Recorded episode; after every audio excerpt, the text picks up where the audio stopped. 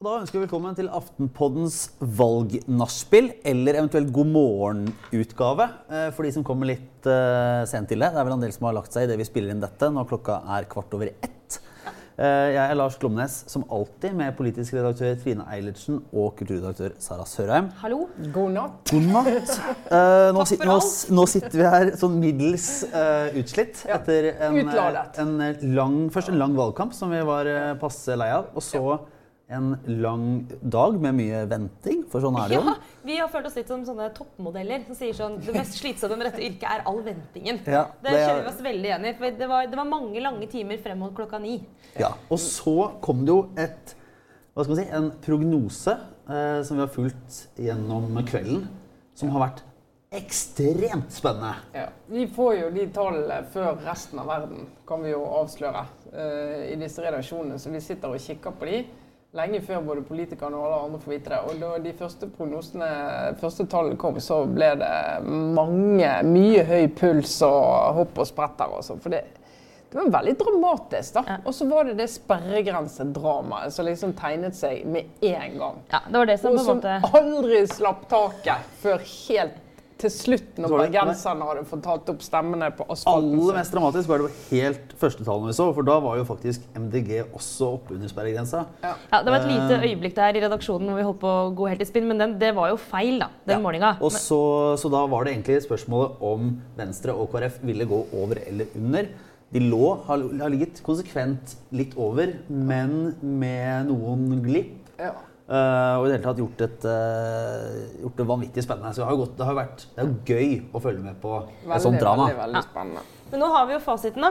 Eh, og det viser seg jo at Venstre og KrF de klarte det jaggu meg akkurat. Og ikke nok med det, nå er faktisk altså, KrF Åssen ble det? Nå titter jeg bort på skjermen vår. Eh, Venstre er også på 4,3 og KrF på 4,2. De er altså mindre enn enn, KrF. KrF har gjort de, de kunne ikke ha gjort et dårligere valg med mindre de falt under sperregrensen. Det er et helt forferdelig valg for KrF. Men det er jo enda mer forferdelig, forferdelig kan man si det, for Jonas Gahr Støre. Ja, det må vi ikke. Eh, og dette, den var jo eh, Det kan du fortelle, Sara, for du, var, du var, hadde en litt sånn eh, Starten på dette, denne nedturen, eh, den fikk jo du høre om her i, i sommer en Ja, gang. vi vil bare snakke om liksom, sånn, Når var det man skjønte at det kunne ha skjedd noe? Det vil si, jeg skjønte det ikke helt, da, men det lå jo veldig veldig, veldig lenge an til et regjeringsskifte. Men eh, Sigbjørn Aanes, spinndoktoren til Erna Solberg, den aldri hvilende Vi nevner han nå nesten hver sending, det irriterer meg litt, kjenner jeg. Men han er jo en, eh, han er flink til å snakke med sånne folk som oss. Men han hadde et sånt, en fest helt, helt i starten av valgkampen hvor det var pressefolk og politikere og sånt til stede. Og da husker jeg han kom bort til meg og sa sånn Det har skjedd noe, det har skjedd noe nå. Eh, Vi ser det i, løpet av sommeren. Vi kommer nå. nå det, det er et eller annet som er i feil. Vi ser en tendens når Arbeiderpartiet faller og vi kommer. Jeg tenkte jeg står imot! Ikke kom og spinn meg! Eh, det her sier du bare for å lure meg. Men eh, i ettertid ser jeg jo at det var jo helt riktig den observasjonen han hadde da. Det skjedde noe i løpet av sommerferien, og det bare fortsatte og fortsatte. Og fortsatte, og det kverna i stykker Arbeiderpartiet. Den tendensen, og nå ser man altså et valgresultat som er utrolig dårlig for Arbeiderpartiet. Men det, men det er jo interessant. Hvis du husker rett etter eh, forrige valg, i starten av de første målingene etter det, så fikk Arbeiderpartiet all misnøye med den blå regjeringen ble kanalisert inn i Arbeiderpartiet. Både SV og Senterpartiet var helt usynlige. Og Arbeiderpartiet touchet 40-tallet på målingene. Nå kanaliseres all misnøye med den blå regjeringen inn i SV, Senterpartiet, Rødt. Og det er ingenting i til Arbeiderpartiet. Og det er jo, Vi, vi har snakka litt om det med småpartiene, og om dette valget kommer til å bli et sånt tidsskille hvor småpartiene kommer til å virkelig bryte igjennom. Det rare er at det skjer ikke. Eh, og det skjer egentlig ikke noe heller med altså, Vi beholder den samme regjeringen, og det skjer ikke noe stor revolusjon i så måte, verken i overført eller konkret betydning. altså Rødt får inn én person. Men, eh, men vi ser likevel at eh, de som går frem, er de små partiene, og de som går tilbake, er først og fremst Arbeiderpartiet, men også Høyre. Så tendensen ligger der. Det er bare det at det fikk ikke noe utslag. det nesten det var jo overraskende, bare en liten ting, jeg var veldig overraska over å se at, at MDG, som har vært målt eh, godt oppunder og over sperregrensa nå i ukevis, eh, går nesten ikke fram i det hele tatt. Nei. I Oslo så står de omtrent på stedet hvil, med forbehold om eventuelle endringer i løpet av natta. Men, men, men det er ingen sånn stor gevinst. og denne liksom, klimabølgen den er utsatt eh, nok en gang. Den er utsatt. Den er utsatt si, til ja, det kommer en tidevannsbølge og skyller over oss, liksom. Sånn Det- på ekte. tyder på at det kan trengs eller hva skal si, det, det skal større endringer til før det, før det merkes. Men det må jo sies, selv om Arbeiderpartiet har ligget lavt på målingene, og tallene har vært det, så uh, satte vi opp en liten uh, tippekonkurranse, som det er tradisjon for på valgdagen, både hos, uh, hos oss her i, og i andre medier. Dette var internt da, i redaksjonen. Og så merka jeg tok meg selv i det. Rett før, rett før vi fikk målingen, så sa jeg til Sara at ja, men fader heller, nå har jeg gått i den fella jeg sa jeg ikke skulle gå i. Fordi alle tall tydet jo på at Arbeiderpartiet kom til å gjøre et dårlig valg.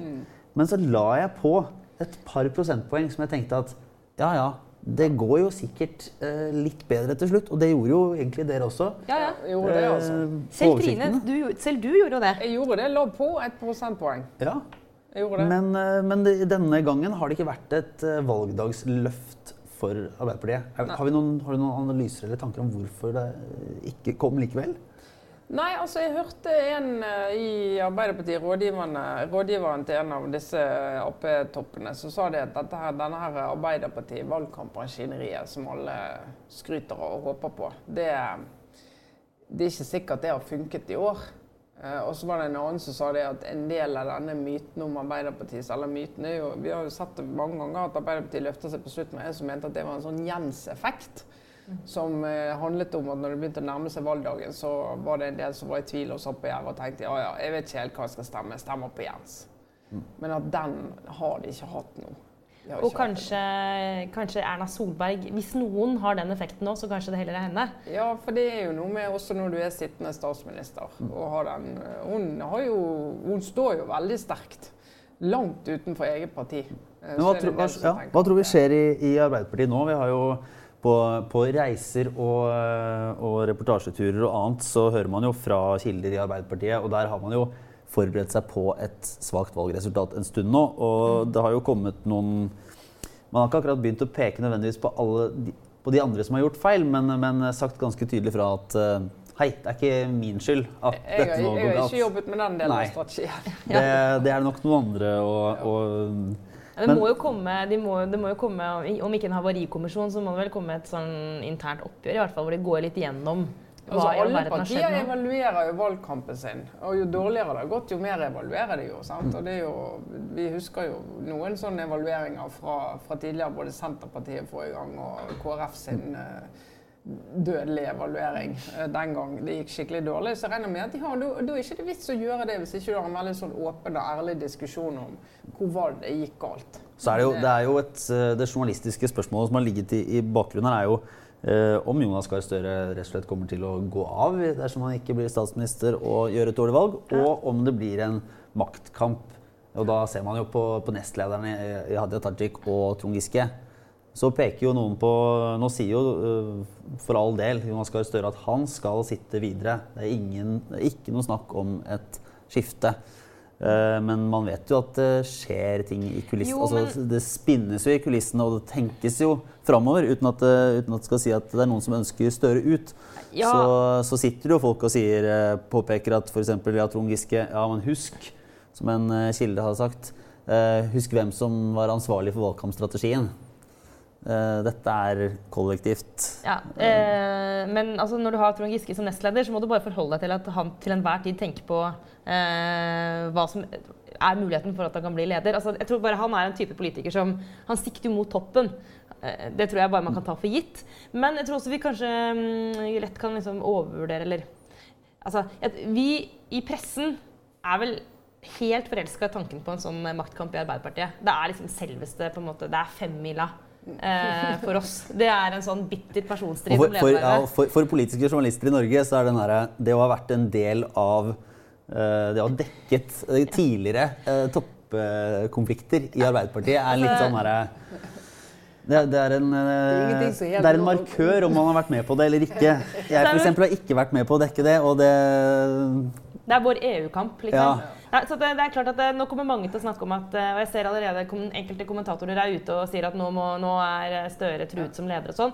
Men eh, helle litt kaldt vann i årene på det. fordi det er ingenting som tyder på sånt fra kildehold som tyder på at, eh, at det er en aktiv lederstrid sånn akutt akkurat nå, eller at Støre liksom teller på knappene om i seg. Det virker sånn relativt sånn troverdig at han har tenkt å bli Men, sittende. ja. Men det ville overraske altså det er jo, Hvis du tar eh, den strategien som Arbeiderpartiet har gått til valg på, den har det vært virkelig brei enighet om. Altså Den kritikken som har kommet mot den strategien, har kommet fra, fra utenfra partiet. De har virkelig hatt en grundig prosess på det. Og da er jo den ledelsen som er der i dag, Hadia Tajik, Trond Giske og Jonas Gahr Støre, de tre er ansvarlige på toppen for den strategien der.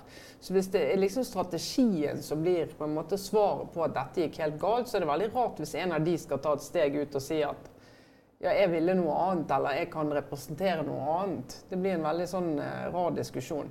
Og hvis evalueringen skulle vise at liksom Jonas Gahr Støre, som uh, liksom vant alle debattene og tross alt gjorde, ha, har vokst som leder og partileder, og at han var skylden for dette, det ville også overraske meg veldig. da. Så jeg tror det er litt sånn for enkelt å falle ned på at eh, Jonas Gahr Støre sitter løst i stolen pga. dette. Jeg må si, også ja. tenker på den strategien de valgte, som åpenbart var feil strategi, så det er lett å peke på at, uh, alt som gikk galt. Men jeg synes det er litt vanskelig å se for seg hva som kunne vært en vinneroppskrift for Arbeiderpartiet. Hvis man vrir på det, da. Eh, fordi det er, det er en litt sånn følelse at, eh, at eh, det var noe litt mer sånne makroting som styrte den valgkampen. At, jeg vet ikke, Trine, Kunne de ved en annen Nei, altså, strategi ha jeg gjort det tror, bedre? Altså, Jonas Gahr Støre var inne på det under partilederdebatten i dag. Så hadde det klart, for, da fikk han spørsmål har dere vært med på for mange forlik og vært liksom en del av egentlig styringsgrunnlaget til regjeringen i en del saker. sier han. Det er klart vi kunne latt det være. De små partiene kan jo bare la det være. Altså, SV kan bare stå på utenfor, utenfor alle forlik. Eh, og liksom få gevinst for det hos, eh, hos velgerne. Men som han sier, hvis Arbeiderpartiet gjør det på samme måten, eh, så mister vi en del av vår identitet som et styringsparti som tar ansvar. Det er ikke tvil om at det koster en del for Arbeiderpartiet å være med på de forlikene der. Heldigvis er de med på de forlikene der. For hvis alle i opposisjonen skulle bare gå helt ut og si vi er ikke med på forlik, da hadde det blitt helt sinnssykt sirkus etter landet. Sånn sett, da, hvis man nå bare automatisk skal tenke liksom fire år frem, så har han jo muligens lagd, lagt det grunnlaget som trengs for å, for å vinne det valget. Altså det er et eller annet med at Når du ikke vingler, så kan du vise til at vi har stått øh, fast ved dette. Um, fordi vingling er jo, det har jo ikke lønt seg i den valgkampen, det heller. Altså Bare se på Hareide. Nå er det sikkert flere ting som skyldes det resultatet, at det ble såpass dårlig for KrF. Så skrekkelig dårlig. Men eh, selv om han kanskje etter valget kan havne litt sånn Han kan få eh, mye makt og innflytelse med tanke på hvor liten oppslutning de har. Men den strategien om å være litt sånn eh, Vi skal se hva som skjer.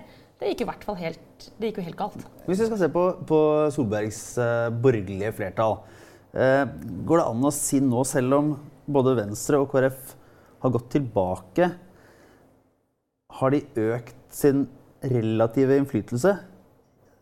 Gi meg, altså både Høyre og Frp har jo også gått tilbake. Så det, nå er eh, situasjonen litt annerledes, fordi hvis eh, vi ikke tar helt feil om tallene, så, så trenger jo eh, regjeringspartiene trenger nå både KrF og Venstre med seg Ja. i Stortinget. Ja, I forrige periode trengte de bare ett av de for å danne flertall. Ja.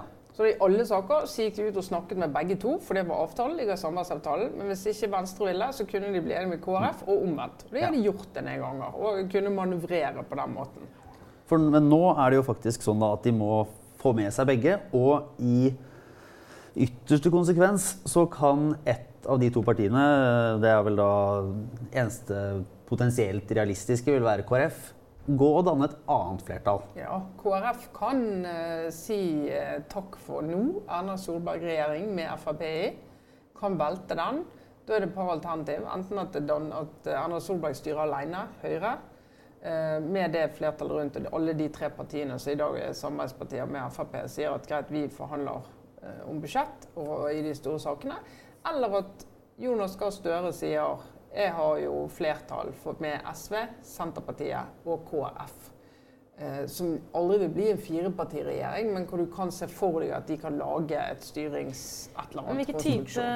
Hvilke type saker kan det tenkes at KrF vil øh, altså Hvis de virkelig skal gjøre alvor av å få Frp med Listhaug ut av regjering da, i løpet av neste fireårsperiode, hvilke type saker er det de kan ta? Kan ta det på budsjett, da. Ja. Så det kan skje allerede i høst. Mm, kan det. Det blir veldig spennende å se hvordan Erna Solberg og Siv Jensen nå manøvrerer denne situasjonen. Utrolig spennende. For, altså, Erna Solberg virker nesten helt sånn immun mot det som har skjedd. Altså Det som har skjedd, er at hennes styringsgrunnlag er svekket. Alle de fire partiene gikk tilbake. De har et flertall, men det er skjørt. Men hun virker nærmest immun når hun snakker om det, og jeg skjønner jo hvorfor hun gjør det, for hun skal gi inntrykk av at dette er stø kurs. Og sier nå skal vi sette oss ned og snakke sammen som om ingenting har skjedd. Mens de to andre har jo sagt at ja, vi skal snakke sammen, men vi skal ikke diskutere en samarbeidsavtale. Og vi må jo da legge til grunn at de ikke har tenkt å gå inn i regjering. Eh, og hva er det da for en samtale de skal ha? Men samtidig, sist for fire år siden, da eh, tror veldig mange av oss var helt sikre på at det ble en regjering med flere enn to partier. Og så kom de ut med den samarbeidsavtalen som var noe helt nytt. Så hvem vet, kanskje de kommer ut med enda noe som er helt nytt. Mm. Men det er kjørt, altså. Ja, og den, eh, det er jo overraskende at, fort, altså at regjeringen fortsetter må jo sies ut fra de årene som har gått. Ja, altså jeg... Og kanskje overraskende hvis de skal sitte i fire år. Helt frem til sommeren var jeg veldig sikker på at det kom til å bli et skifte. Fundert på særlig én ting, og det var jeg var helt sikker på at Venstre ikke ville klare seg over sperregrensen. Mm. Og da ville det, da ville det ikke, ikke gått. Jeg velger bare å sende en lite apropos til de som uh, måtte være interessert, og gå tilbake til uh, den lille julespesialen som ble laget uh, mellom Aftenpodden og Gjever og Joffen på Kulturhuset, som ligger ute i fjor før jul. Der undertegnede var den eneste som spådde et fortsatt borgerlig flertall, grunnet et sterkt Frp og at eh, sentrumspartiene da ikke ville tørre å, å forlate Frp ja, og holde seg til det. Så jeg bare, ja, men Lars, før du hoverer for mye du, ja. ja. det er riktig at Lars gjorde det. Mm. Men jeg vil påstå at det gjorde du bare for å tøffe deg. Det var, det, var, det var, ingen grundig analyse som lå til grunn for det. Det var bare tøffing. Uh, og du ville markere liksom, vågalt Her satt vi sånne gamle redaktører og liksom safa.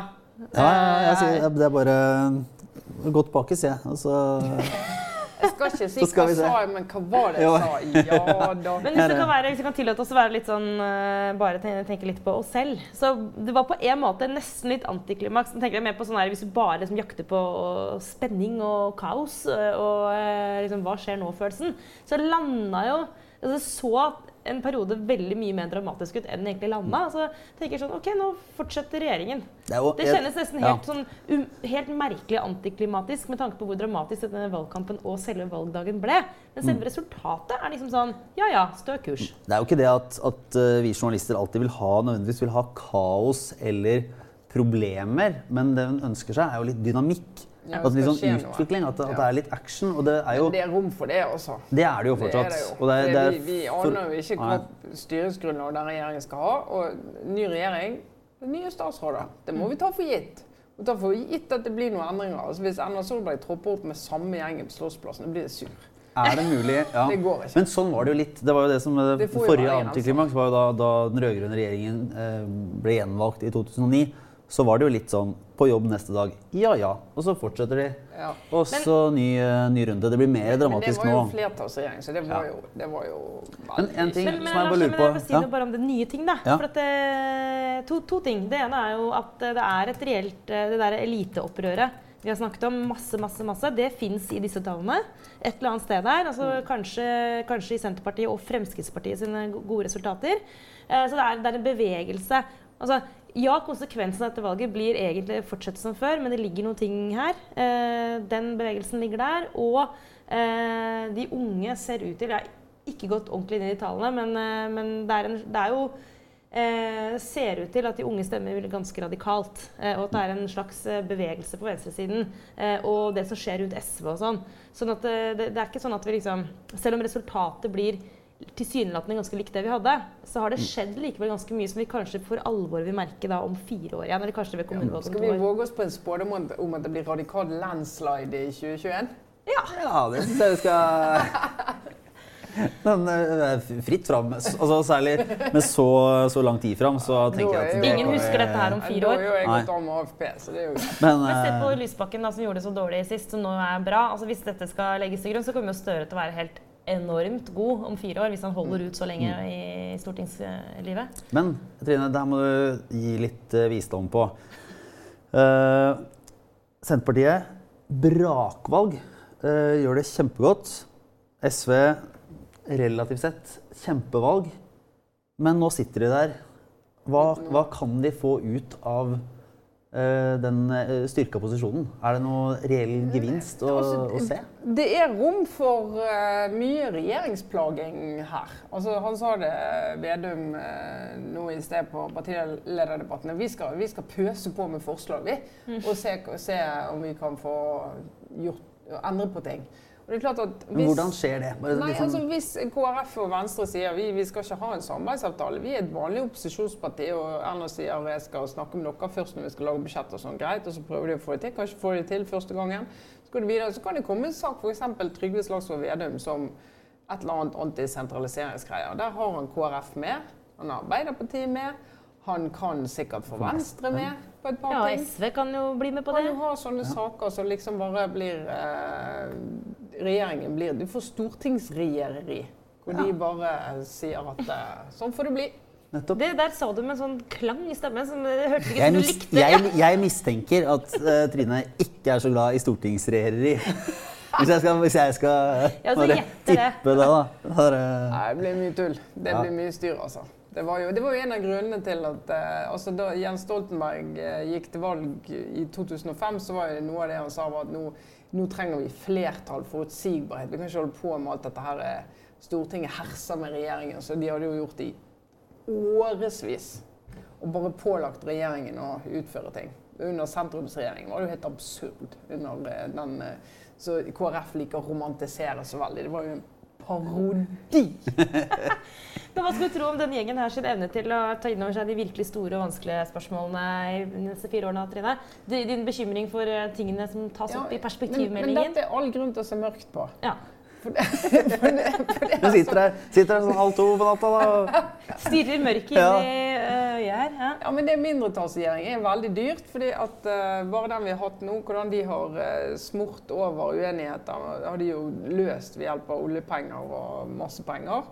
Uh, og Hvis du da ikke har en samarbeidsavtale, og du skal begynne å liksom lete etter partier du kan bli enig med, du må ikke tro det blir billig. Så min bekymring for disse gapene og disse kurvene som jeg ikke er glad i, den er ikke blitt mindre. Nei. Nei. Nei, men Så lystige tanker. Så tror jeg vi takker for eh, oss for denne valgnatten. Og så ønsker vi alle en god eh, morgen, Ja. rett og slett. For det er jo eh, Og så Det er vi si da de vi- fleste hører dette. Ja, det er vel ikke så mange kanskje som sitter og følger oss direkte på Jeg Facebook håper- jeg, nå. Ja, ja eller, eller sitter og laster ned dette. Men til de av dere som gjør det, tusen takk. Men Ja. vi kan vel også si at vi eh, Nå skal vi gå hjem og kanskje sove litt og tygge litt på dette, men eh, dette var en sånn umiddelbar eh, analyse, hvis Ja. man kan kalle det det. Men vi kommer tilbake i løpet av ja, altså til vanlig tid på torsdagen for Ja, å om ikke før. Om ikke før. Hvis vi Ja. klarer å la oss begeistre av dette. Om vi Denne videreføringen. Om vi føler nasjonen trenger Ja. det, så må vi bare Vi Er fortsatt villige til å stille opp? Nei.